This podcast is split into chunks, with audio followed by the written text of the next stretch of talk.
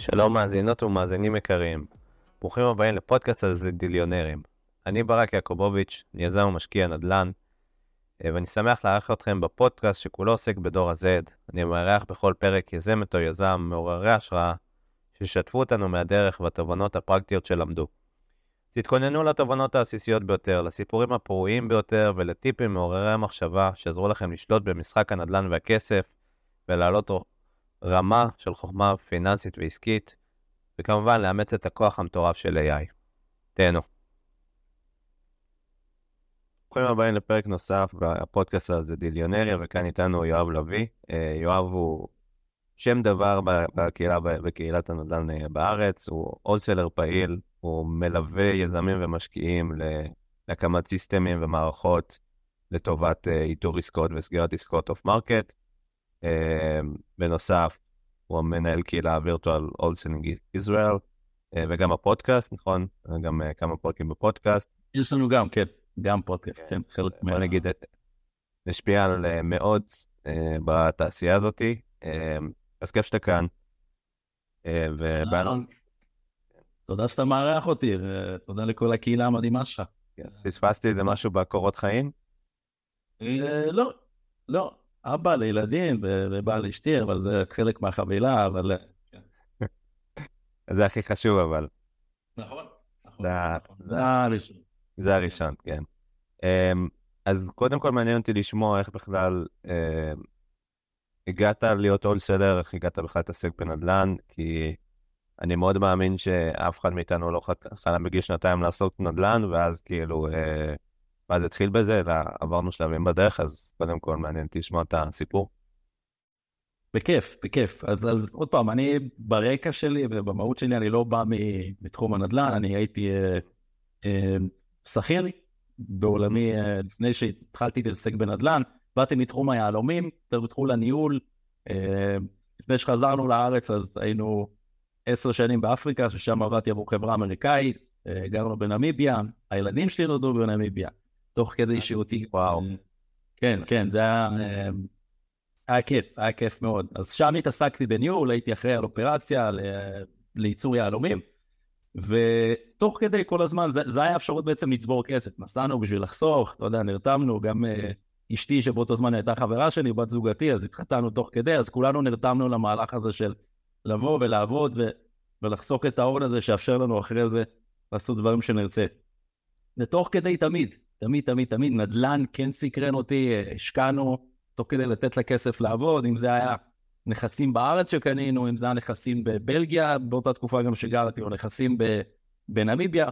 אה, נדל"ן תמיד תמיד היה איזשהו משהו שנתן לנו, שוב, לעבוד עם הכסף, אה, וזה דיבר אליי, נדל"ן תמיד דיבר אליי. בסופו של דבר אה, הגעתי לשלב שהילדים גודלים באפריקה, הילד כבר הגדול שהיה אז מביניהם כבר בשלב של לעלות לכיתה א', ואז התחלנו לחשוב על דברים של קצת מעבר לכסף, אתה יודע, כאילו... איך אנחנו רוצים שהילדים יגדלו, ובאיזה צורה, ואיזה מנטליות וכולי. מעבר לזה שגם תמיד, תמיד, תמיד רציתי להיות קרוב יותר למשפחה שלי, ההורים לא נהיים צעירים יותר. אה, דיבר אליי, התחיל להתחזק ממש ממש המקום הזה של אה, יאללה, אה, הגיע הזמן לחזור ארצה. לא היה בזה שום היגיון כלכלי, כן? לא היה בזה שום היגיון, גם היום שחושבים על זה כאילו על... ברמה הכלכלית המאוד מאוד שטוחה.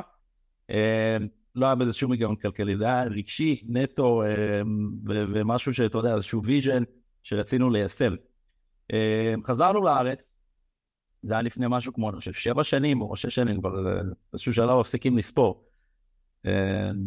וזהו, זה היה שלב עוד פעם, שידעתי שאני חוזר לארץ, אין לי... כל מה שאני התעסקתי בו, שזה תחום הניהול וענף היהלומים וכולי, הוא כבר לא בא לידי ביטוי, כי הביטוי האמיתי שלי הוא לשלוח ישראלי לחו"ל, הוא ביכולות ניהול בחו"ל ולא בארץ. אמ, אז ידעתי שזה יהיה שלב שאני צריך להמציא את עצמי מחדש, לא... אה, לא היה לי, לא היה לי כאילו ספקות בנושא הזה, כן באתי עם כל ה set of skills שלי, ועם הביטחון שלי, ועם ההרגשה, ולראות מה, מה העתיד אה, טומן בחובו, מה שנקרא. הפריבילגיה הכלכלית נתנה לי אה, בשיעור המשפחה כמובן לבוא, והצבנו שנה, שזה המון, הצבנו שנה שיש לי שנה to figure out מה לעזאזל אני רוצה מהחיים שלי. Uh, ועוד פעם, זה, זה המון זמן, אבל גם ברמה הכלכלית, היה לנו את הפריבילגיה לעשות את זה. בסדר, שלושה ילדים, משפחה, כאילו, את הזמן הזה להבין מה, מה קורה. תוך כדי היה ברור נורא שאת הכסף שיש כבר, גם צריך להתחיל לתת לו לעבוד. כאילו, אה, גם להמשיך את ההשקעות בנדל"ן וכולי, ושם התחלתי לעשות איזשהו מחקר. אה, ארה"ב, כולם דיברו על ארה"ב באותו זמן, אה, שתשואות וסיפורים, וכולם עושים כסף ומדהים וחלום, וחלום גדול. ואמרתי, אוקיי, זה היה השלב שאני הלכתי לכל, לא אגיד כל, אבל רוב המשרדים בארץ שמלווים משקיעים, באתי עם כסף ביד, אמרתי, אוקיי, חבר'ה, יש לי כסף, מה, מה אפשר לקבל? סיפור קצר, אמרו לי שם הרבה, הרבה סיפורים, וכולם היו טובים, וכל אחד הסביר למה האזור שלו והמקום שלו והאסטרטגיה שלו הכי טובה, וכולם עושים כסף. כולם עושים כסף, אני בא למשרדים מפוארים ונוצצים, וכולם חליפות, והם מסבירים איך הם עושים מלא כסף, ואיך אני הולך לעשות מלא כסף, ואיך כולם, אני אומר, אוקיי, וואו, כאילו, אם כולם פה עושים כסף, אני קודם כל רוצה להבין בעיניים שלי איך זה נראה לפני שאני קופץ למים. וזה השלב שלקחתי, הרסתי מזוודה, טסתי לארה"ב אחרי מחקר, כמובן מחקר של אזורים, ו- וידעתי איזה צורות אני מחפש אה, עבור ההשקעות שלי, ורציתי לראות, רציתי לראות אחרי הסקר הזה של, של אזורים, מה אני רוצה, מה אני רוצה עבור, עבורי. התחלתי, אני, אני אקצר, כי זה יכול פה אה, ללכת לזה, אני אקצר. שם נכנסתי לעולם ההשקעות, עברתי את האבולוציה רגילה, התחלתי לקנות עבורי נכסים, בסדר? אמ, אחרי זה התעסקתי בפליפים, אחרי זה באופן טבעי התעסקתי ב... כאילו, נגמר הכסף ונשאר מלא קשרים וכל היכולות, התחלתי להתעסק בליווי, ליווי משקיעים. אמ, תוך כדי, all selling, all selling דיבר אליי מאוד מאוד מאוד מסיבה אחת פשוטה. Do your own due diligence, sold as is. בסדר? כל המקום הזה שהייתי צריך ללוות משקיעים, ללווה אותם ולדאוג ל... ל... לאחריות המאוד מאוד גדולה הזאת, בסדר? לשיפוצי וללוות ולראות שזה כל הדבר הארוך הזה ש... שהוא נורא נחמד, אבל מצאתי אותו כאילו עבור ההשקעה הרבה פחות מתגמל, והייתי גובה בזמנו 5,000, 6,000 דולר עבור הליווי שלי, שאני לא מזלזל בזה לרגע, אבל לא מצאתי קורולציה על מול ה... הייתי מוצא את עצמי לא ישן בלילה מדאגות, כאילו הייתי ממש מרגיש אחריות מאוד מאוד גדולה. נכון. תמיד, תמיד, תמיד העסקאות שלי כולם היו מ off market, תמיד השגתי את הנכסים שלי, כל הנכסים שהשגתי היו מ off market. אה, ושם עוד פעם, כאילו הייתי מדמיין את ה wholesaler שהייתי מביא ממנו את העסקאות, בסגירה. רוכב לעבר השקיעה, לא מסתכל אחורה, לוקח את ה assignment fee שלו, אתה יודע, מה שזה היה, זה היה 5,000, 10,000, 15, היו עסקאות אפילו שראיתי פתאום בסוף שזה 40 אלף דולר והכל טוב, כי, כי the numbers works, נכון? העיקר שהמספרים עובדים. נכון. אבל קסם לי, קסם לי כל הקונספט הזה, והיה איזשהו שלב שאמרתי, that's it, כאילו, אני מפסיק ללוות משקיעים, אני רוצה להיות אול סלר וכל מה שכרוך בזה, כל מה שכרוך בזה, ועשיתי מחקר ולקחתי מנטור, מנטורית אה, לאותה תקופה, אה, שנתנה לי את הסט כלים להתחיל, ומשם עוד פעם, כאילו, משם השמיים הגבול, אבל אם השאלה כאילו מה היה הטריגר הזה שגרם לי לקפוץ להולסלינג, זה לגמרי המקום הזה של, של לדעת לבוא ולאתר לעצמי נכסים, לאתר עבור אנשים אחרים נכסים, בלי הצורך אה, להשקיע מהכסף שלי לקנות אותם, בלי הצורך ללוות משקיעים בשביל לשפץ אותם, בלי כל ההתעסקות הזאת מסביב, שלהולסלינג בפני עצמו יש מלא התעסקות, אבל זה, זה הטריגר, זה היה, זה הטריגר שגרם לי לקפוץ להולסלינג. מדהים. אז שתי שאלות שעניינו אותי, למה בכלל נדל"ן? כי היית הרי בעולם העסקים, ובטוח שאתה בעולם הזה, אתה חשוף לעוד עסקים, אתה חשוף לעוד הזדמנויות השקעה. אז למה בכלל קרץ לך עולם הנדל"ן? כאילו, אתה באפריקה, אה, להניח, לא רוצה להיות עם דעה קדומה, אבל נראה לא המדינה הכי מפותחת. אה, אתה אומר לעצמך, אוקיי, אני שם את הכסף שלי בנדל"ן ולא שם עכשיו אה, רק ב-S&P או איזה אפיק השקעה כזה או אחר. אה, וגם עניין אותי איך איתרת את העסקאות, לפני שהבנת מה זה הולסלינג, כאילו דרך הולסלרים הם תומכים, או שהיו עוד דרכים כמו מכרזים וכאלו? אוקיי, אז אחד, למה נדל"ן? אה, שוב, יש מלא אסטרטגיות ומלא אפשרות השקעה, כמו שאמרת. אה, לי, באופן אישי, תמיד דיבר אליי אחד ה... הקטע המוחשי בזה, אתה יודע, של, של משהו שהוא... אני, אני בהשקעות שלי, אני, אני מגדיר את עצמי כבן אדם די סולידי, בסדר? ברמת ההשקעות שלי וברמת הסיכון שאני לוקח עבור הכספים שלי, ככה אני מחשיב את עצמי. לפעמים אנשים יסתכלו מהצד, יגידו בואנה זה סולידי, בחיים לא, אבל אני באמת מחשיב את עצמי כאילו בהשקעות. אני לא מחפש יותר מדי הרפתקאות, גם אני, כשאני נכנס להשקעות שלי בנדל"ן, אז אני מנתח אותן באופן מאוד מאוד קונסרבטיבי ושמרני. אני לא בנוי ל... ל... ועוד פעם, אני מכיר באופן אישי מלא אנשים שעושים כסף בבורסה, ושעושים כסף במניות, ושעושים כסף בכל מיני אפיקים אחרים. אני ברמת האישיות שלי, נורא נוח לי לבוא ולדעת שיש לי איזשהו משהו מוחשי, משהו פיזי, בסוף יום, אפילו אם אני לא רואה אותו, אפילו לא נמצא בו, אבל עדיין בסוף יום. זה משהו שהוא נשאר שם לנצח או כמה זמן שאני אחזיק אותו. ושוב, זה consistent, זה consistent. אני לא בנוי כאילו להיות באפליקציות כל היום ולראות מניות ואם זה עלה, לא עלה, ולעשות, ולמשוך אחורה וקדימה. אנשים עושים מלא כסף, פחות בשבילי, אני בקטע יותר שמרני, ובשביל זה גם נורא מתחבר לנדל"ן, כי עם השנים, זה הדרך שאני מחשיב אותה, יותר בטוחה ושמרנית, לבנות לא רק, לא רק לחסוך, אתה יודע, ולבנות אקוטי, אלא באמת לבנות הון, wealth. וזה בסוף יום מה שאני מכוון אליו ללונגרן, לבנות איזשהו מקום ש... שהגדילת הון תהיה בו עקבית למשך הרבה מאוד שנים. לגבי איפה מצאתי את העסקאות, בזמנו זה הכל היה off market, הכל היה off market. אני יכול להגיד היום, אני כיואב, אה, עד היום באופן מצחיק, אני לא חושב שסגרתי עסקה אחת אפילו ב... שהייתה on market, כאילו לא בשבילי וגם לא... אני רק off market, כאילו זה שם אני נמצא, מחשיב את זה כיקום מקביל, אה, חי בו, נושם בו, יש לו את ההתנהגויות שלו ואת הצורות עבודה שלו, רק off market, משם השגתי את העסקאות. אם לא אכפת לך רק לעשות את ה... אה, להסביר את ההבדל בין off market ל on market? כן, במהות אה, מאוד מאוד פשוטה, כאילו, מה שאנחנו מחשיבים אותו on market זה נכסים שמפורסמים, או ב-MLS או בכל צורה אחרת, for sale by owner זה כאילו, זה כזה border case, אבל עדיין הוא מפורסם איפשהו. off market זה עולם, זאת אומרת, זה נכסים שלעולם לא מפורסמים בשום מקום. לא, אנחנו, אנחנו כקונים, או כ wholesalers רוצים להיות מה שאנחנו קוראים לו direct to sellers, שאנחנו פונים באופן ישיר לאותם מוכרים, אין לנו מתווכים באמצע וכולי, והנכסים האלה לא ניתן למצוא אותם בשום מקום אחר, לא אצל מתווכים, לא אצל אה, לוחות מודעות, לא בפלטפורמות אחרות, זה נכס שהוא off market, זאת אומרת הוא כמו שהוא נשמע.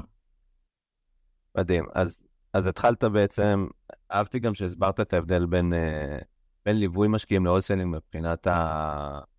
יש לך את הגאפ של education. אתה, אתה מוכר את העסקה בהולסל, אתה פשוט מוכר למישהו סביר להניח מנוסה. הוא יודע לעשות את ה-due diligence בעצמו. Uh, אתה מוכר לו את זה is, ואתה יודע, קרה משהו, בסופו של דבר, uh, סבבה. זה היה בדיקת נאותות שלך. Uh, לעומת ליווי משקיעים, שלרוב לא מבינים את זה.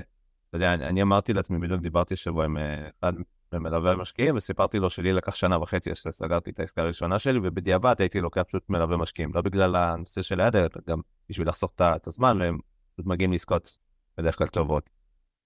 אמ, אז, אז אהבתי את הנושא הזה ש, שפשוט, זה פשוט ביזנס מאוד קשה, כי יש לך המון אחריות, אתה צריך לייצר את העסקה, אתה צריך להיות אחר כך בניהול, בשיפוט, בסופו של דבר יש בעיות, אה, בסופו של דבר פוגש אותך, פוגש אותך, וללונגרם זה קצת אה, time consuming, שוב, יש המון המון סיסטמים ומערכות, ובטוח שאנשים בביזנס הזה יודעים מה הם עושים, אבל אה, כן, זה, זה חשוב ההבדל הזה לחבר'ה שבטח בהתחלה, אם נגמר, אני רוצה להקים עסק נדל"ני, אז ליווי משקיעים והאולסלינג, אני חושב שבדרך כלל זה עולמות ממשיקים למי שרוצה להתחיל, ובאמת לעזוב את העבודה שלו ולהתעסק רק בנדל"ן. אז החלטת בעצם להתחיל לאתר את העסקאות בעצמך. איך בזמנו בכלל הבנת איך אה, להגיע למוכרים ישירות? זה לא כמו היום שהכל אה, בטיק טוק ויוטיוב ואינסטגרם. מצאת אז את ה mentoring, אמרת. אה, בזמנו היו אפיקי שיווק אחרים ל wholesaling, ל-lead generation? המהות הייתה אותו דבר כמהות, כאסטרטגיות, כמובן שאז היו הרבה פחות רגולציות באותה תקופה, והדברים היו, שוב, היו היה אפשר לעשות יותר דברים שהיום יותר קשה לעשות אותם, או שצריך לפעול בצורות מסוימות בגלל שבאמת הרגולציה התעדכה בהרבה מאוד אפיקים, אבל הקונספט הוא, הוא היה אותו דבר, מה שליווה אותי אז, אה, באותה תקופה שעשיתי את המנטורשיפ, אז אה, שלחנו גלויות, הייתי שולח הרבה מאוד גלויות, אה, מה שנקרא direct mail, בהגדרה שלנו, בעולם שלנו, ל, ל, עוד פעם, לאנשים שאנחנו מוצאים בהם פוטנציאל אה, למכור את הנכס, ושם אנחנו שואלים אם היו מוכנים לקבל הצעה עבור הבית שלהם או הם צריכים למכור. לי באופן אישי, direct mail פחות עבד, ואז מצאתי את עצמי מתחיל לעשות יותר אסטרטגיות שהן נחשבות, מה שאנחנו קוראים בעולם שלנו פוש, פוש strategies, שאנחנו פונים לאנשים באופן אגרסיבי, לא יודעים מי אנחנו, לעולם שום, הביעו שום רצון או עניין אה, למכור את הבית, אנחנו פשוט פונים אליהם out of the blue, או דרך call calling, שזה שיחות טלפון, או דרך טקסטים, שאנחנו שולחים להם טקסטים קרים, ושואלים אותם, פונים אליהם לגבי הנכס שלהם, ושואלים אה, אם הם רוצים. אז זה האסטרטגיות שעשיתי אז, שעוד פעם, זה התחיל בדירקט מייל, פחות עבד לי, מצאתי את עצמי, היינו בזמנו, היינו עושים גם RVM. אה, לא יודע אם אה, היום מכירים את ה-RVM או חלק כן, חלק לא, זה ringless voicemail, בסדר? זו הייתה טכנולוגיה, עדיין היא קיימת. היום הרגולציה הרבה יותר אה, קשה עבור ספציפית הטכנולוגיה הזאת, אבל זה מאפשר בעצם לשלוח לאנשים תא קולי ישירות לטלפון שלהם בלי הצורך לצלצל אליהם. אז כאילו הם יושבים, ואז פתאום רואים שטלפון שלהם יש איזה נוטיפיקיישן שמישהו השאיר להם הודעה בתא קולית, ואז זה, זה, זה דרך, הייתי עובד בזה גם מאוד מאוד חזק, היום פחות, אה, אז זה, זה היו האסטרטגיות, לא, לא השתנה בצורה דרמטית, מה שכן השתנה בצורה דרמטית זה איך להתנהל עם אותן אסטרטגיות, כי דברים משתנים באמת, by the day, בסדר? כל שבוע יש דברים חדשים, זה משהו שצריך לחיות אותו עכשיו כמו בכל תחום. אז מה זה בעצם, אה, בוא נעשה רגע סדר, מה זה בעצם wholesaling, אה, מה בדיוק האתגרים בו למי שנגיד רוצה להתחיל בהתחלה? אז wholesaling במהות, אה, ככה ניישר קו, זה בעצם המקום שאני אה, מאתר בצורות כאלה או אחרות מוכרים בעלי מוטיבציה, מדברים איתם, מבינים אותם, נותנים להם בסופו של דבר הצעה, עושים משא ומתן, רוקדים קצת, ובסופו של דבר מגיעים לאיזשהו מחיר מוסכם, שהם מסכימים למכור לנו את הבית. אנחנו מולם כביירס, בסדר? אנחנו מולם כקונים, בסדר? עכשיו, חלק מהתנאים שלנו, כמובן, עוד פעם, התנאים ניתנים, אה, אפשר לשנות אותם, אבל בגדול, זה אנחנו באים, כשאנחנו קונים את הנכס as is, אנחנו ברוב המקרים נכסה גם closing cost, ועוד כל מיני פרקים אחרים שאנחנו עוברים לשולחן, אבל שוב, מאוד לשמור את זה מאוד שטוח, אנחנו נכנסים איתם ל-purchase agreement, לחוזה רכישה, בסדר? שבחוזה רכישה הזה יש סעיף שמאפשר לנו to assign the contract, בעצם להעביר את החוזה הזה לצד שלישי, אוקיי? ושם אנחנו בעצם מאתרים את הקונה הסופי שהוא קונה את ההסכם, בסדר? הוא קונה הסכם, הוא קונה נכס, אבל הוא בעצם קונה את ההסכם שאנחנו חתמנו לאותו מוכר. ואנחנו כאולסלר גם נהנה, נהנים מהרווח הזה באמצע. לצורך העניין, אני, אם אני סגרתי אותך לקנות את הבית שלך ב-100 אלף דולר, ואז יצרתי חוזה חדש עם uh, דוד, שדוד קונה את הבית ב-120 אלף דולר, בסדר? אחרי שהוא ראה אותו ובדק אותו וראה את כל מה שצריך, אני יוצר חוזה חדש, מול דוד, ואני נהנה מההפרש הזה. לצורך העניין בעסקה הזאת עשיתי 20 אלף דולר. אז זה אולסד, בסדר? זה המקום הזה שאנחנו לא מוכרים נכסים, אנחנו מוכרים חוזים, בסדר? אנחנו יורדים תחת חוזה הנכס משם, ואת החוזה הזה אנחנו מוכרים. assignment of contract, בסדר? אה, הייתה לי עוד שאלה, כנראה ששכחתי אותה. אה, אז הגענו, אז אז איך בעצם השלב אה, קורה של wholesaling? wholesaling בגדול זה אסטרטגיית יציאה פשוט. כאילו, אני יכול לאתר את זה גם ולקנות את זה בעצמי מן הסתם. זה פשוט שם כולל לאיתור עסקאות off market. אמ, אז, אז בוא נגיד, ש... אז הרעיון שעומד מאחורי זה, זה סוג של חוק המספרים הגדולים, בגדול. אני פונה להרבה, מה שנקרא לידים קרים, כמובן שאני מאתר את הדאטה וכל מיני מניפולציות על הדאטה, ו... בעצם מאתר אה, סגמנטים מסוימים שלדעתי סבירות יותר גבוהה שהם אה, ימכרו. לצורך הדוגמה, probates, אה, או foreclosure, או absentee owners, כאלו, נכון? ואז אני בעצם משתמש באסטרטגיות אה, שיווק כאלו ואחרות, כמו לצורך הדוגמה, אה, כמו שציינת, texting, או קו-קולינג, uh, גלויות מן הסתם יכול לעבוד, או מכתבים. יש גם bandit signs וכל מיני אסטרטגיות כאלה ואחרות, ואז בעצם אני מגיע לשלב של לסנן את האנשים מהרשימות שלי, נכון? ש... ואז עובר בעצם השלב של משא ומתן acquisition. אז בוא נדבר על האתגרים ב acquisition. אז בוא נגיד, בן אדם אמר לי, יאללה, אני רוצה... בוא, בוא נשמע את ההצעה שלך. מה האתגרים שאתה חווה היום אה, מול מוכרים ברמה היומיומית ב acquisition? אה, איך אתה מסביר, איך אתה מבין מה המוטיבציה של הבן אדם, איך אתה מבין, אה, אם יש שם בכלל עניין, אה, האם מעניין אותי רק המחיר, או אם יש פרמטרים נוספים שמעניינים אותי במשא ומתן, ונראה לי זה, זה לבינתיים. בסדר גמור, אז, אז דבר ראשון, אנחנו כהולסלרים, צריכים תמיד ולזכור שהמהות שלנו, המהות של העבודה שלנו והתפקיד שלנו זה לפתור בעיות. בסדר? אנחנו problem solvers. ככל שהבעיה שניתקן מולה תהיה מורכבת יותר, קשה יותר, אה, גדולה יותר, ככה בסופו של דבר הפרס, ה-reward הפוטנציאלי שלנו בסוף העסקה אמור להיות גדול יותר. צריך גם לזכור שאנחנו, התנאים שלנו והמחירים שאנחנו צריכים אה, להיות בהם בסופו של דבר לא יתאימו לרוב האנשים, וזה בסדר גמור, בסדר? 95, 96, 97 אחוז מהאנשים, 95 אחוז מהאנשים ימכרו בסופו של דבר את הבית שלהם בצורות המסורתיות יותר, שזה דרך רילטרס או כל, כל אסטרטגיה אחרת שהם יכירו. אנחנו, את אותם חמישה אחוז, ארבעה אחוז, זה העולם שלנו, בסדר? שהעולם שלנו בסופו של דבר, המהות היא לתת להם איזשהו value, בסדר? כי, כי, כי שם זה נמצא, ובואו נדבר בגאון, כאילו אין באמת סיבה לבן אדם מסוים למכור את הבית שלו ב-60, 65, 70 סנט על הדולר, בסדר? אם אין לו איזשהו משהו שאתה באמת יכול לפתור אותו, בסדר? כאילו, זה, זה הבטם ליין. אם אתה לא מביא לו איזשהו value שהוא מעבר לכסף, כי כסף אנחנו מבינים שזה לא ה-value שלנו האמיתי, כי אנחנו משלמים אה, 60-70 סנט על הדולר, משהו אחר אתה צריך להביא לשולחן.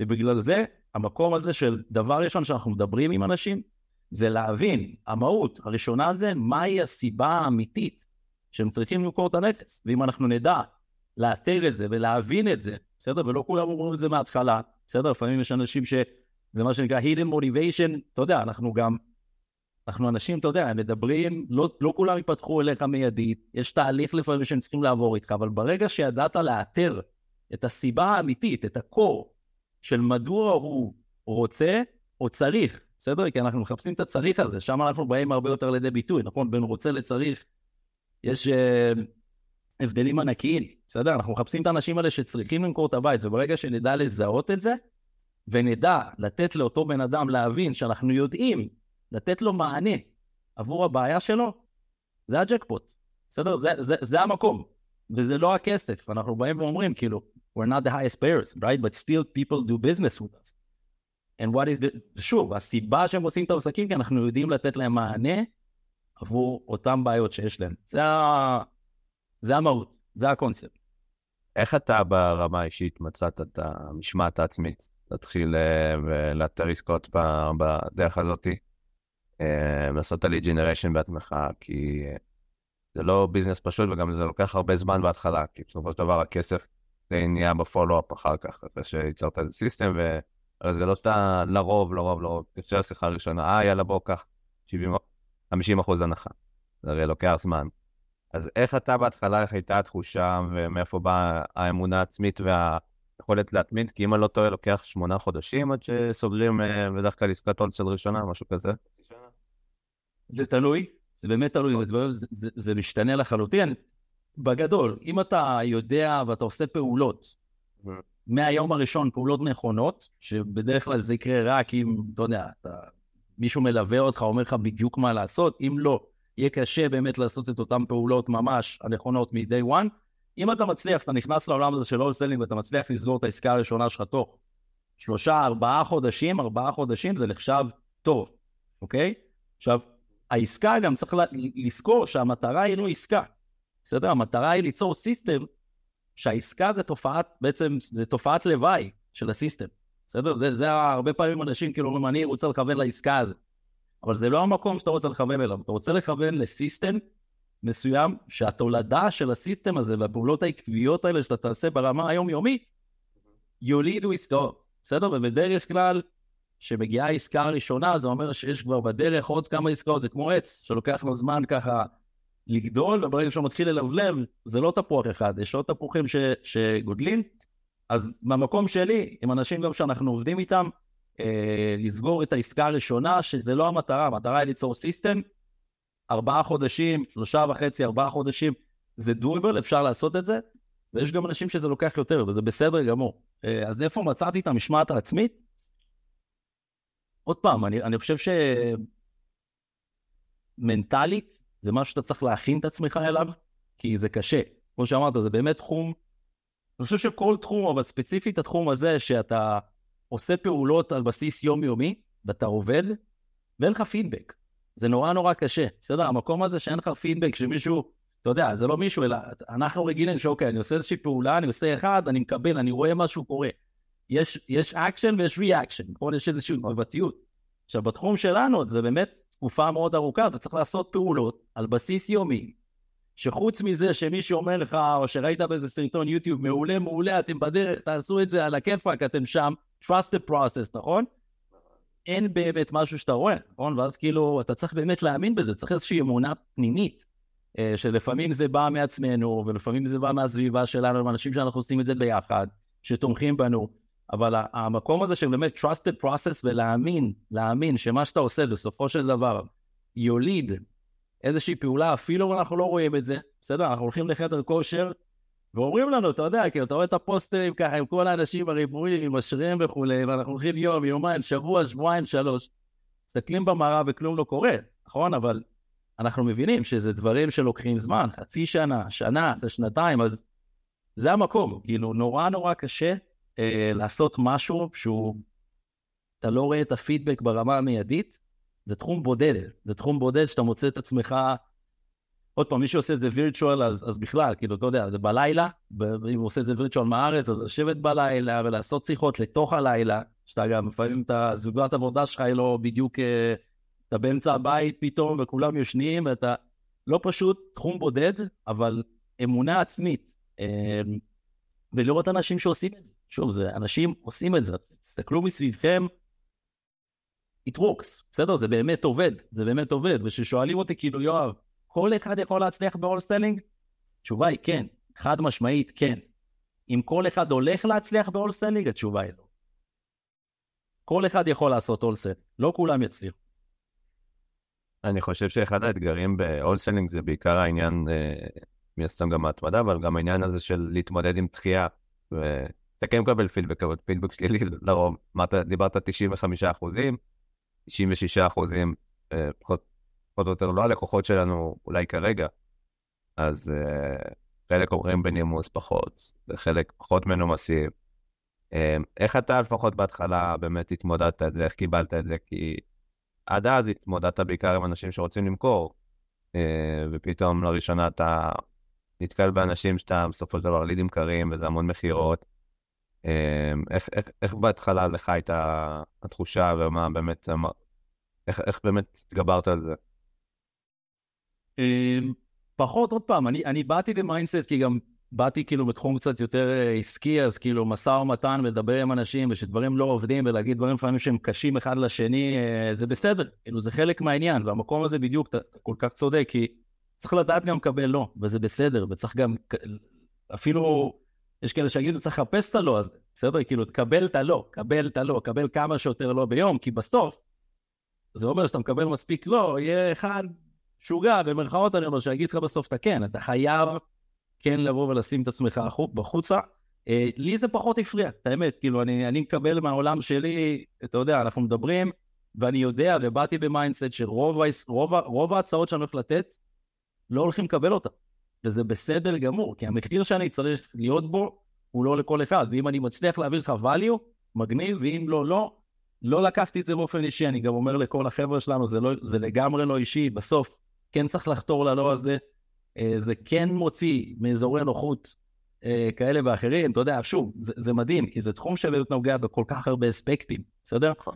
מהאספקטים הטכנולוגיים, לדעת לנו לתקשר ולהפעיל מערכות ולקנפג מערכות ולעשות קמפיינים, אתה יודע, כל מה שקשור לליג'ן וקשור לעולם הטכני, עובר לשיחות עם אנשים, בסדר? לדבר עם אנשים, איך להתנהל מול אנשים, עובר לניהול עובדים, בסדר? איך לנהל ואיך להתייחס לעובדים שלך.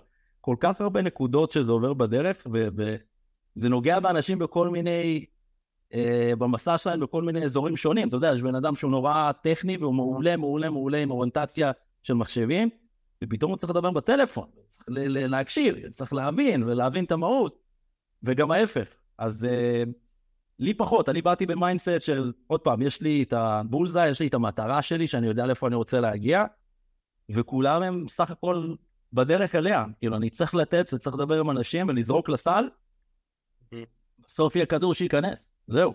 This is how it works.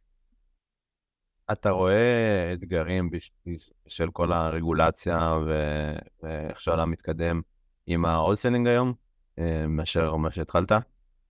בטח, חד משמעית, חד משמעית. אה, אני חושב שהלכנו, עוד פעם, ואני התחלתי, כאילו, כשאני נכנסתי ל-all בואו נכניס אה, פרספקטיבה, כשאני נכנסתי ל-all כשאני החלטתי להיכנס לתחום הנדל"ן בארצות הברית, בדיוק הייתה את אותה שיחה שחלק מהאנשים שומעים אותה היום. וולקאם, mm-hmm. טוב שהתעוררת, פספסת את הרכבת, המסיבה נגמרה, איפה אתה, כאילו, מה שהיה לפני עשר שנים או חמש עשרה, המסיבה נגמרה. אני שמעתי את זה ב... אה, שנכנסתי, שש, שבע שמונה שנים uh, שנכנסתי, והיום אנשים אומרים את אותו דבר. אז דבר ראשון, מסיבה לא נגמרה, יש מה לעשות, יש מה לעבוד.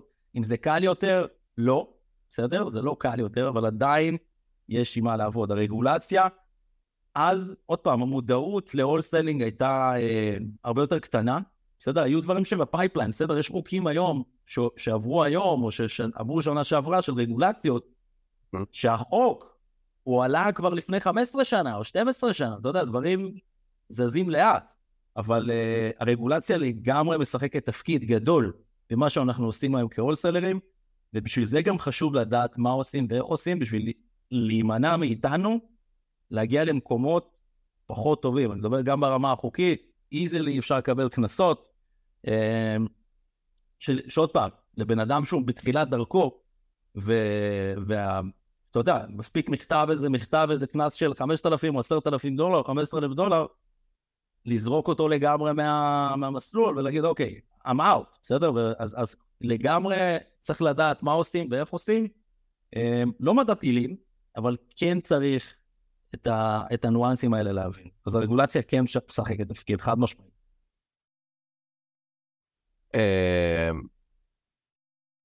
מה דעתך על איתור עסקאות אה, גדולות יותר ומה ההבדלים בין איתור של סינגל אה, family לבין איתור של נגיד עסקאות multi family שזה בעצם עסקאות אה, מקבצי דיור של חמש יחידות ומעלה. אמ, אתה רואה את ההבדלים בין איתור של סוג עסקאות כזה לבין ה single family? כן, אז, אז אחד, עוד פעם, העסקאות היותר גדולות, אני חושב שאם תשאל אותי, כאילו זה הרבה יותר מעניין תמיד, בטח, mm-hmm. כאילו זה מבחינתנו ג'קפוט, לבוא ולדעת להגיע לעסקאות בסדר גודל שאתה ציינת. ההתנהגות גם היא שונה, זאת אומרת, ה marketing שאנחנו עושים, הוא marketing אחר, צריך לזכור שרוב ה... זה, זאת חיה אחרת, בסדר? זאת חיה אחרת לא רק ברמת המהות של השיווק, להגיע לאותם אנשים, אלא אחרי גם שאתה מגיע אליהם, זה רמת שיחה אחרת, וזה רמת ניתוח אחרת, אתה הרבה יותר צריך להיות לדעת מה אתה מביא לשולחן ואת היכולת, אתה, אתה שם, אתה חי את העולם הזה, אז אתה, אתה מבין שההבדל בין, אתה יודע, שאתה בא לקנות בית או שאתה בא לקנות multi family, זה רמת, זה scope אחר לחלוטין.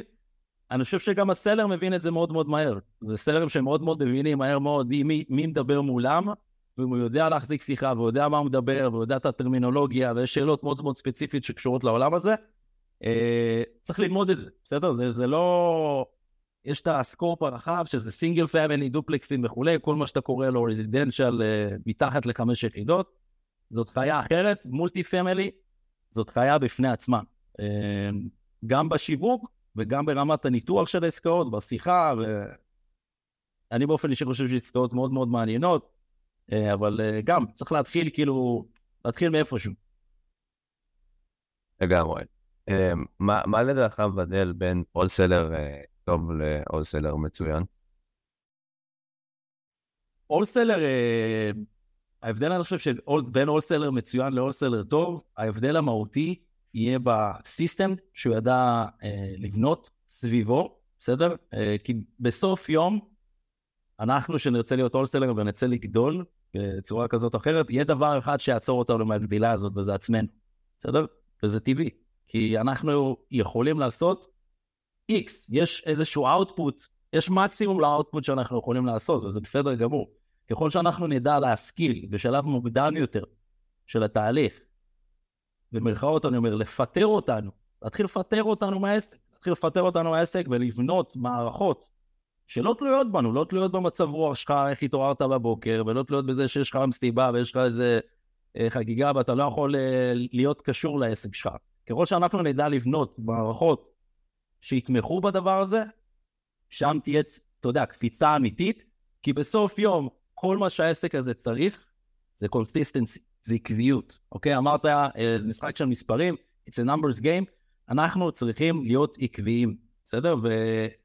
ואנחנו, רוב הפעמים יהיו אלה שמעכבים את העסק שלנו. מעכבים את העסק שלנו בצורה כזאת או אחרת, תשכילו כמה שיותר מהר לבוא ולהתחיל להוציא את עצמכם, וזה יכול מדברים קטנים, בסדר? מדברים באמת באמת קטנים, פעולות שאתם עושים ברמה היומיומית, שאתם, שוב, ברמה, בפתרון מאוד מאוד פשוט, הם יכולים להוציא את הדברים האלה אצלכם, ואז זה מגיע באופן טבעי לדברים גדולים יותר. שם אני רואה את ההבדל, בסדר? החברות היותר, ההולסלרים היותר מצליחים, לא מתמקדים בעצמם כבר, זה סיסטם, זה מערכות. בסדר? הם יושבים למעלה והם מנהלים את הסיסטם uh, בצורה כזאת, זה ההבדל, ככה אני רואה את זה. מדהים. Uh, שאלה שמעניינת אותי ברמה האישית, אתה לא חייב לענות עליה מסתם, אבל איפה אתה רואה את עצמך נגיד uh, עוד שנתיים, שלוש? שאלה טובה, שאלה טובה, איפה אני רואה את עצמי? תראה, אני היום, uh, אחד, אני אולסלר, כאילו, זה אני עושה, אני באמת אוהב את זה, בסדר, אני אוהב את זה. Uh, יש, יש איזשהו לטוב ולרע, כן? יש איזשהו ריגוש, יש איזשהו thrill כזה בציד, זה סוג של ציד. דופמין. אני מוצא לזה, כן, אני מוצא לזה המון ריגוש. אז אחד כאולסלר, אני נהנה מזה, בסדר? אמ, ואיפה אני רואה את עצמי עוד שנתיים? אני רוצה לראות את עצמי במקום שאני uh, ממשיך, אחד, את הרמת חיים שהיא מאוד מאוד חשובה לי. אתה יודע, חלק מהמקום הזה שגם נכנסתי לעולם הזה ושווה גם לגעת בזה, כי זה מה שזה מאפשר לך, יש, אתה יודע, המון חרא, סליחה שאני אומר אה, שבא עם זה, אבל גם המון טוב, בסדר? והמון טוב הזה זה בעצם מאפשר לך לקנות את הזמן שלך, שאתה רוצה להיות עם המשפחה, אתה רוצה להיות עם הילדים. אני כל יום כאילו מקבל את הילדים מהבית ספר. אני, מה שמחזיק אותי, כאילו, הוואי שלי הגדול זה להיות נוכח, להיות נוכח במשפחה שלי ולהיות נוכח. זה, זה שווה לי הכל. שואל, שואל אותי איפה אני רוצה להיות עוד שנתיים? אה, להמשיך לעשות את מה שאני עושה, להמשיך לצבור נכסים. wholesaling אמרת, wholesaling זאת אסטרטגיה יציאה אחת, אוקיי? הכוח האמיתי הוא טמון ביכולת שלנו להגיע למוכרים בעלי מוטיבציה, בסדר? זה הכוח האמיתי, שם הכוח. היכולת שלנו למקם את עצמנו מול אותו מוכר, ושם נפתחות מלא מלא אסטרטגיות, בסדר? wholesaling זאת אסטרטגיה יציאה אחת. אז אני רואה את עצמי עוד שנתיים, ממשיך להגדיל את הפורטפוליו של נכסים שלי, כי אני גם מאמין בזה, אני מאמין ב-cash flows, אני מאמין בבניית הון, wealth.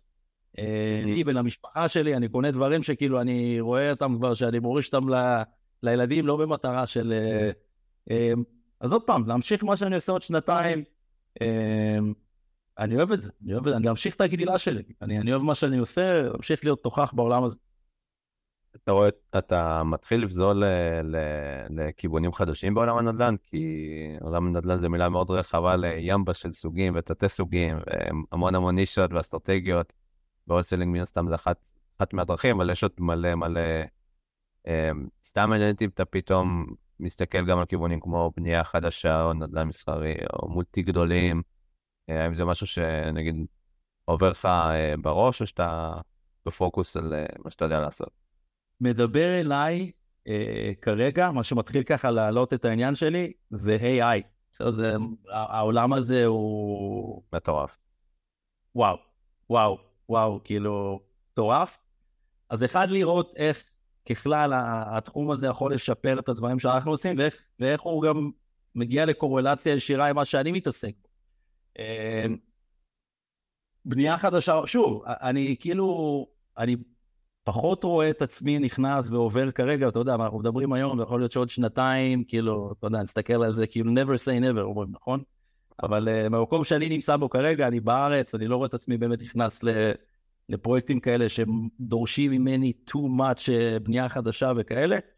אני, אה, AI, זה הפוקוס שלי כרגע, להבין, ללמוד את התחום הזה לעומק שלו, להבין איך הוא מתממשק ואיך הוא יכול להיות בקורלציה לדברים שאנחנו עושים, כי אני חושב שיש שם דברים מטורפים שאפשר לעשות. אנחנו בקצה הקרחון, כאילו, בלהבין בכלל את המהות ואת הפוטנציאל האמיתי של הדבר הזה. אה, אני שם, בטכנולוגיה. מדהים. האמת ש-AI בלי קשר, זה... גם עכשיו קצת קראתי על כל מיני פיתוחים אה, רפואיים, כמו בין היתר גם אחת החברות של אילון מאסק, שקיבלה אישור, אחת מין כמה חברות ש... שפיתחו שבבים כאלה ואחרים שעוזרים לנו לעצבים, לנוירונים. זה מרגש. תחום מטורף. מפחיד גם. תחום מפחיד ומטורף. כן. אין ספק, כי לכולם הולך להיות היכולות האלו, לטוב ולרע. אמ, באולסנינג, בעיקר בגלל שזה הרבה טכנולוגיה ואוטומציות, אז אין ספק שזה לדעתי הולך להשפיע דרסטית גם מבחינת ה-call calling בעיניי וגם מבחינת הטקסטים. אה, וה-lead generation והמרקטינג לדעתי יהיה קצת יותר אה, קל, אבל אי אפשר לדעת. אפשר, אפשר לדעת לאן זה יתפתח, אבל אין ספק שזה מרתק. כן, זה משנה, זה משנה הרבה מאוד דברים, ועוד פעם, חלק ממה שאני חי בו זה גם היכולת להבין שאני מתמקצע במה שאני עושה, כי דברים באמת משתנים כל הזמן. אז uh, זה כבר לא החזק שורד, זה מי שמתאים את עצמו כל הזמן מהר יותר, זה דברים שמשתנים סביבנו, ויש פה משהו, יש פה אירוע, בוא, יש פה אירוע, שאני רוצה ללמוד אותו ולהבין אותו. אה, דיברנו על זה קצת, על למה אנשים בכלל מוכרים אה, מתחת למחיר שוק, אז דיברנו שאנחנו מציעים להם משהו שהוא לא, לאו דווקא כסף, הוא בא לידי ביטוי, הערך בא לידי ביטוי בדרכים אחרות.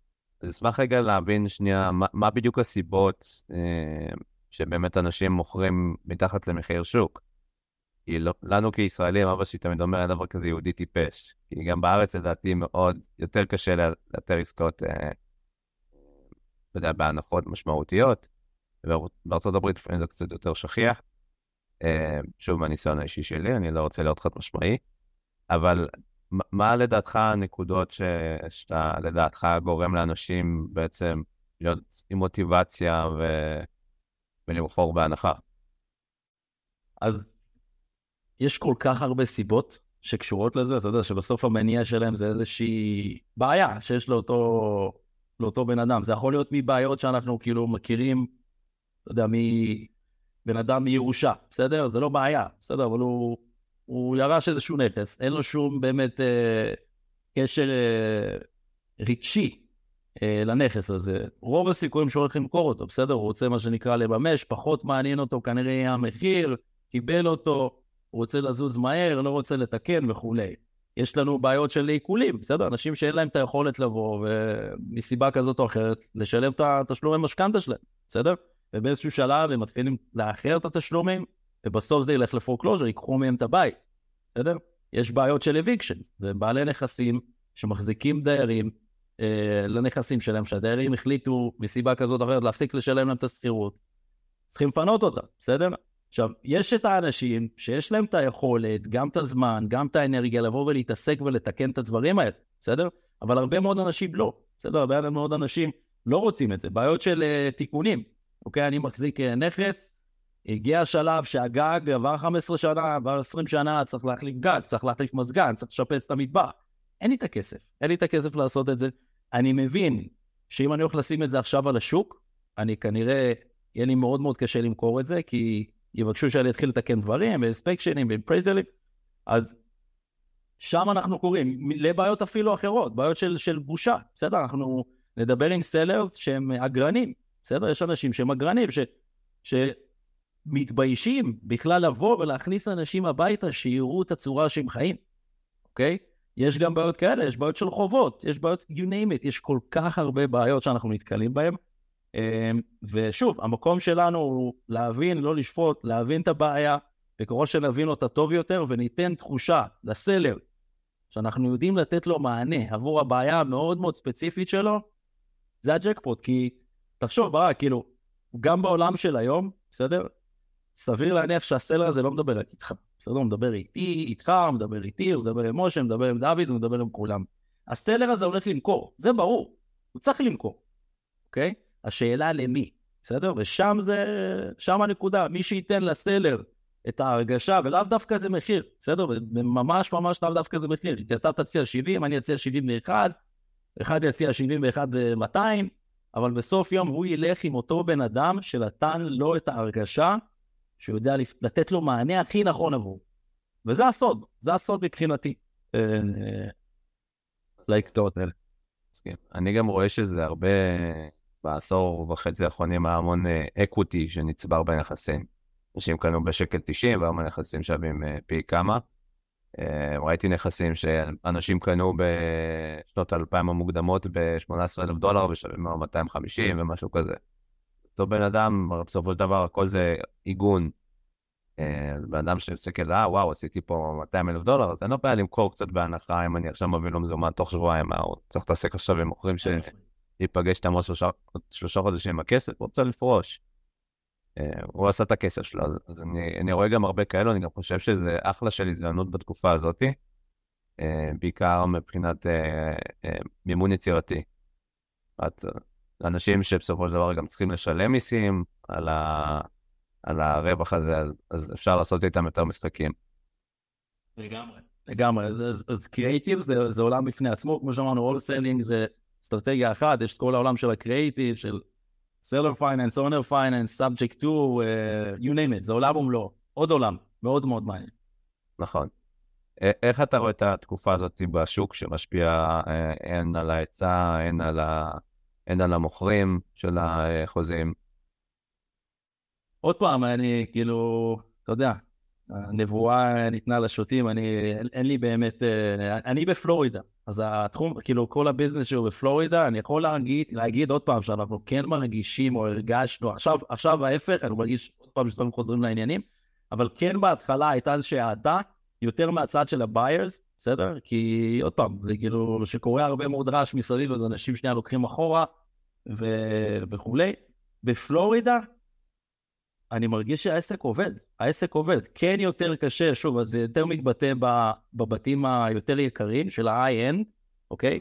ששם, עוד פעם, זה יותר מושפע גם מאחוז הריבית שעלתה, בסדר? אז בן אדם היום לקחת משכנתה לסכומים כאלה, זה הולך לעלות לו הרבה יותר כסף ממה שהיה לו בעבר, אז שם אני חושב שכן יותר הייתה האטה, בתים יותר ישבו על השוק, יהיה פחות uh, קונים עבור אותם בתים, מה שמשפיע באופן, אתה יודע, זה מתחיל מהקונים, ואז זה יורד למטה ל... בסופו של דבר לתמחור של הבתים. אני לא מרגיש, שוב, השוק שלי עובד, פלורידה עובדת, אה, אני חושב שכן, אני צופה וחושב ומקווה שדברים כן ילכו לכיוון חיובי. Mm-hmm. לא רואה 2007, 2008 קורה עוד פעם, לא בזמן הקרוב לפחות, אבל זה אני, ועוד פעם, זה, זה, זה לא ממש מעניין, כאילו, כי אני לא יודע, אין, אין לי שום הבנה בזה, ואני לא חושב שלמישהו יש איזשהו כדור בדולח. אבל המקום, עוד פעם, לדעת לרכב על הגל ולא להיות על הגל. זה, זה המשחק, בסדר? זה המשחק, זה המשחק שלנו גם כהולסלרית. להשתדל כל הזמן לרכב על הגל ולהאמין שאם השוק יורד, אז לשנות את האסטרטגיות ולהתנהם בהתאם, וזהו, עוד פעם, אנחנו בפנים. מדהים. אז אה, לקראת סיום כמה שאלות אחרונות. מה, מה השיעור הכי חשוב שלמדת מהדרך? השיעור הכי חשוב שלמדתי מהדרך. אה, לא להתייאש, עוד פעם. גם היום, כאילו, אני אומר את זה לעצמי גם היום. אתה יודע, זה משהו ש... אתה יודע, אמרנו את זה כאילו בשיחה, trust the process וכולי, גם שדברים לא עובדים, בסדר? ודברים, והם לא עובדים. הרבה פעמים דברים לא עובדים, תסתכל על התמונה הגדולה, לזכור למה אתם בכלל נכנסתם למה שאתם עשיתם, ומה מניע אתכם, ומה מה, מה ה-reward פוטנציאלי של הדבר הזה, ו... טוב, להמשיך בדרך, גם שקשה, כאילו זה הריבורד, זה, זה השיעור, זה השיעור שלמדתי, גם שקשה לדעת אה, להמשיך. אה, מה הספר שהכי השפיע עליך? היו הרבה, אה, לי באופן אישי, הרגלים, הרגלים, אני חושב שזה משהו ש... אה, Atomic Habits? כן, כן, כן. זה, לי עוד פעם, כל אחד זה ברמה האישיותית שלו. זה חלק מה discipline, זה חלק מה consistency, היכולת שלנו לבוא ולבנות הרגלים מהקטנים ביותר, שבסופו של דבר לגדולים יותר, אבל אה, לי באופן חד משמעי אה, תרם הרבה מאוד. היו הרבה, אבל אטומי קאבץ, אני חושב שמי שלא קרא אותו עדיין או הקשיב לו, go for it. זה מתחבר לי לכל המנגנונים והסיסטמים, כי הוא בדיוק מדבר על זה גם, הוא אומר, בסופו של דבר אנחנו המנגנונים והסיסטמים שאנחנו מייצרים לעצמנו. והזהות שאנחנו מייצרים לעצמנו. באדם שהיית רוצה לשבת איתו לקפה או שוקו, חי או מת. לא הבנתי מה? באדם שהיית רוצה לשבת איתו לקפה, יכול להיות בן אדם שכבר עבר מן העולם, או בן אדם שעדיין איתנו. ברוסלי, קופץ לי. כן. ברוסלי. זה לגמרי לא קשור למה שהיה פה עכשיו, אבל... כן. באת מעולם האומנות לחימה או משהו? כן, עוד פעם, אני מאוד אוהב אומנות לחימה, אני בצעירותי גם התאמנתי, והייתי, אני מאוד מדבר אליי, וגם ברוסלי מדבר אליי באופן אישי, יש לו הרבה מאוד ספרים, הרבה מאוד ראיית עולם מאוד מאוד מעניינת. היה לי מאוד מרתק, אם היה לי את האפשרות uh, לשבת איתו בזה קפה. היה לי מעניין. מדהים. Um, אוקיי, טיפ אחרון שהיית אה, אומר למתחילים? go for it, עוד פעם, כאילו, אתם שומעים את זה, אתם רואים משהו, הוא מדבר אליכם, אתם שומעים את כל הנייסיירס האלה מסביב, לכו על זה, כאילו, לכו, תנסו, תתחילו אפילו בקפסיטי שלכם הקטן, ומשם תגדלו, אבל אל תיתנו, כאילו, אל תיתנו לכל המסביב הזה ולכל האנשים השניליים בחיים שלכם, ויש לא מעט מזה, שימו אותם שנייה בצד, go for it, לכו על זה. זה שם, זה, זה בר השגה. מדהים. Uh, משהו אחרון לסיום שהיית רוצה להוסיף? לא, לא מהצד שני, אני רוצה עוד פעם להודות לך על ההזדמנות ולקהילה המדהימה שיש לך פה, מקווה ש... תודה רבה, תודה לך. אה, איך, אה, שומעים עליך, מוצאים אותך? ש... אז אחד, תרגישו חופשי, כל מי שרוצה יכול לפנות אליי ברמה האישית, יואב לביא, ויש את הקהילה שלנו, יש את הקבוצת פייסבוק שלנו, virtual wholesaling Israel. כן. שם כל מי ש... בתחום, שוקל להיות בתחום, רוצה להיות בתחום, יש לו שאלות, אני ממליץ לו לבוא להיכנס לקבוצה הזאת, יש שם קהילה מדהימה של אנשים, ממתחילים ועד אנשים פעילים מאוד, שלום מאוד, ברמות מאוד מאוד גדולות, אתם תדעו לקבל את כל מה שאתם צריכים שקשור ל-all selling בקבוצה הזאת, אז אני מזמין אתכם להצטרף למי שעוד לא שם. מדהים. תודה רבה, יואב. תודה על הערך, תודה על הזמן, תודה על הכל.